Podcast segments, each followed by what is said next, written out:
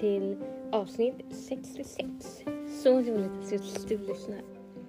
Hörni, det är inne i maj. Vad tog, vad tog tiden vägen helt enkelt? Alltså det, det har gått så snabbt. Jätte, jättekul att vi börjar närma oss. Snart kommer vi i de här riktigt ordentliga sommarmånaderna och det är så fantastiskt. Hörni, sommaren är på gång. Helt underbart. Idag tänkte jag prata lite om bibelläsning och bön. För det är någonting som är väldigt viktigt i vår vardag. Som kristen är det väldigt viktigt att kunna be, men också läsa Bibeln. Att få läsa Guds ord. För, som jag har snackat om det här med andlig mat och så. Att vi behöver få in det i vår vardag. Vi behöver få, för det är där Gud talar genom. Gud kommer med och, och det fantastiska är hur mer man läser om Bibeln så kommer det upp nya och nya saker. För Gud talar i om den. Så att ena gången upplever man det här och andra gången så upplever man och förstår att men det är så här Gud vill med de här orden. Så det är jätteviktigt att göra. Men det som är problemet med oss att det är lätt att vi kommer på vi ska göra det här och det här och det här och glömmer bort att prioritera Bibeln. För det är lätt att vi prioriterar bort för att vi tycker att det här är viktigare och vi måste hinna.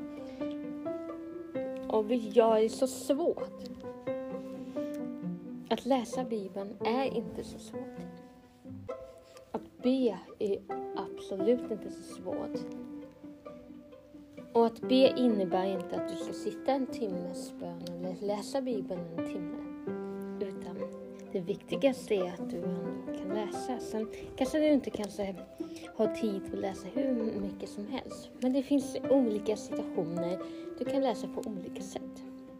Och jag tänkte dra igenom lite vilka sätt, eh, vad det finns för slags biblar, hur du kan göra med din bibelläsning med mer, eller bön med mer. Så sätt dig nu tillbaka så ska jag ta igenom bön och bibelplanen. Så här är det.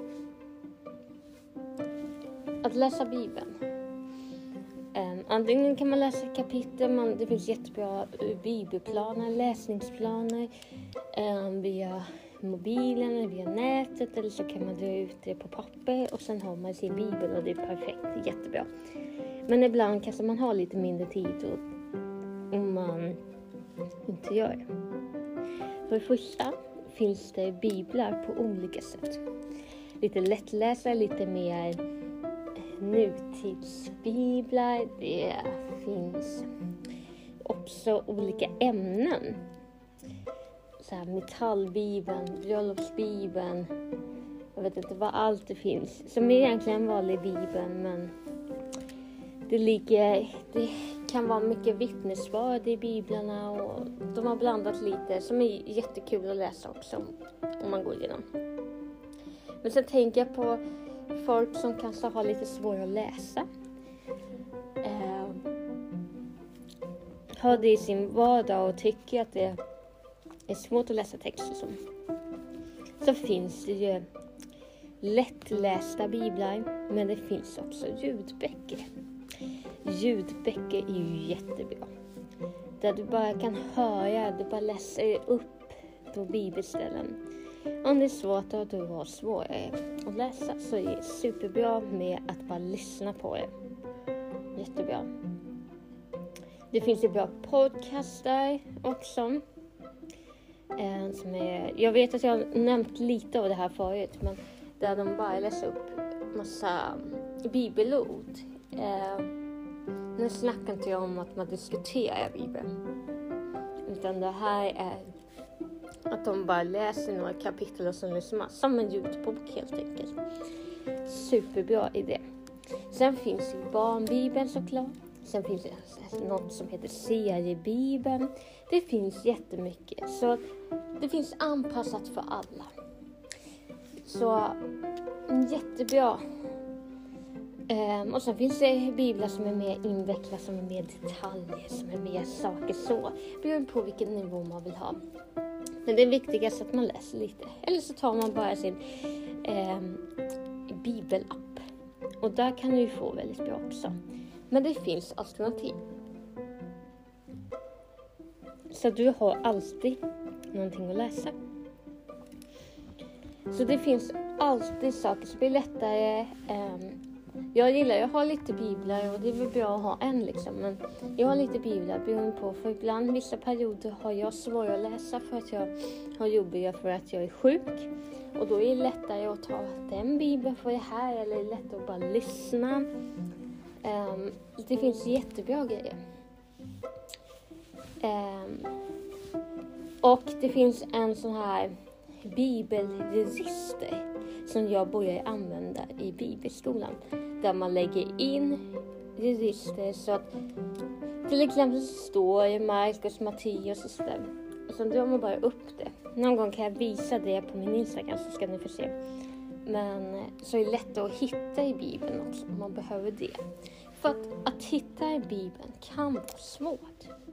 Det kan vara jättesvårt men där kan man bläddra och hitta. Så det finns en bibel för alla.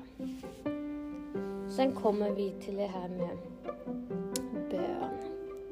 Man tycker att man inte har tid att läsa bibeln och det behöver man ju behöver man inte läsa ett helt kapitel. Man kan läsa några verser om man tar tid. Men samma sak är det med bön. Hur ska man hinna be? För många tänker så här, ja men jag måste be en, en halvtimme här och göra saker. Det är jättebra om man kan göra det, men ibland hinner man inte och man kan faktiskt göra andra saker. Jag rekommenderar, be kan du göra högt som tyst. Så när du borstar tänderna, är det bara be. När du duschar, be. Be kan du alltid göra. Och det är ett fantastiskt sätt. Långa eller korta böner. Sen kan man ta en lite längre period när det finns mer tid, men be kan du alltid göra. Och det är jätteviktigt att göra det. Ehm, det är jättemycket att ha och be är ju också så att ha kontakt med Gud. Kontakt ska man ju alltid ha. Jag menar, vi ska ju vara kompis. Alltså vår kompis är ju Gud. Gud vår fader. Som att vi pratar med våra föräldrar eller pratar med våra kompisar. Så är det med Gud. Ehm, så. så att be finns det på väldigt många sätt. Be så här. Prata högt. Ehm, be långa eller korta böner. Be duschen. Be när du är på toa. Be när du diskar. Be när du lagar mat. Alltså, du kan alltid be. Du kan till och med be när du sitter på bussen. Vet du. När du sitter på bussen kan du be tyst. Så det finns alltid tid för bön. Jag brukar stå och böna även om jag står och fixar eller jag är på sjukhuset eller fick Jag be tyst i mitt huvud där med. För att bön är så viktigt. Det är viktigt med den här kontakten. Och ibland så behöver man be för att det är någonting som tynger en. Men det är viktigt också att tacka och be till Gud. Det känns som att det här klipp, eller eh, avsnittet blir lite konstigt. Men jag hoppas att ni förstår vad jag vill komma fram till. Vill jag tacka så jättemycket för att ni har lyssnat på Älska podden. Så roligt att ni fortfarande lyssnar, att ni peppar och finns med. Tack för att ni finns.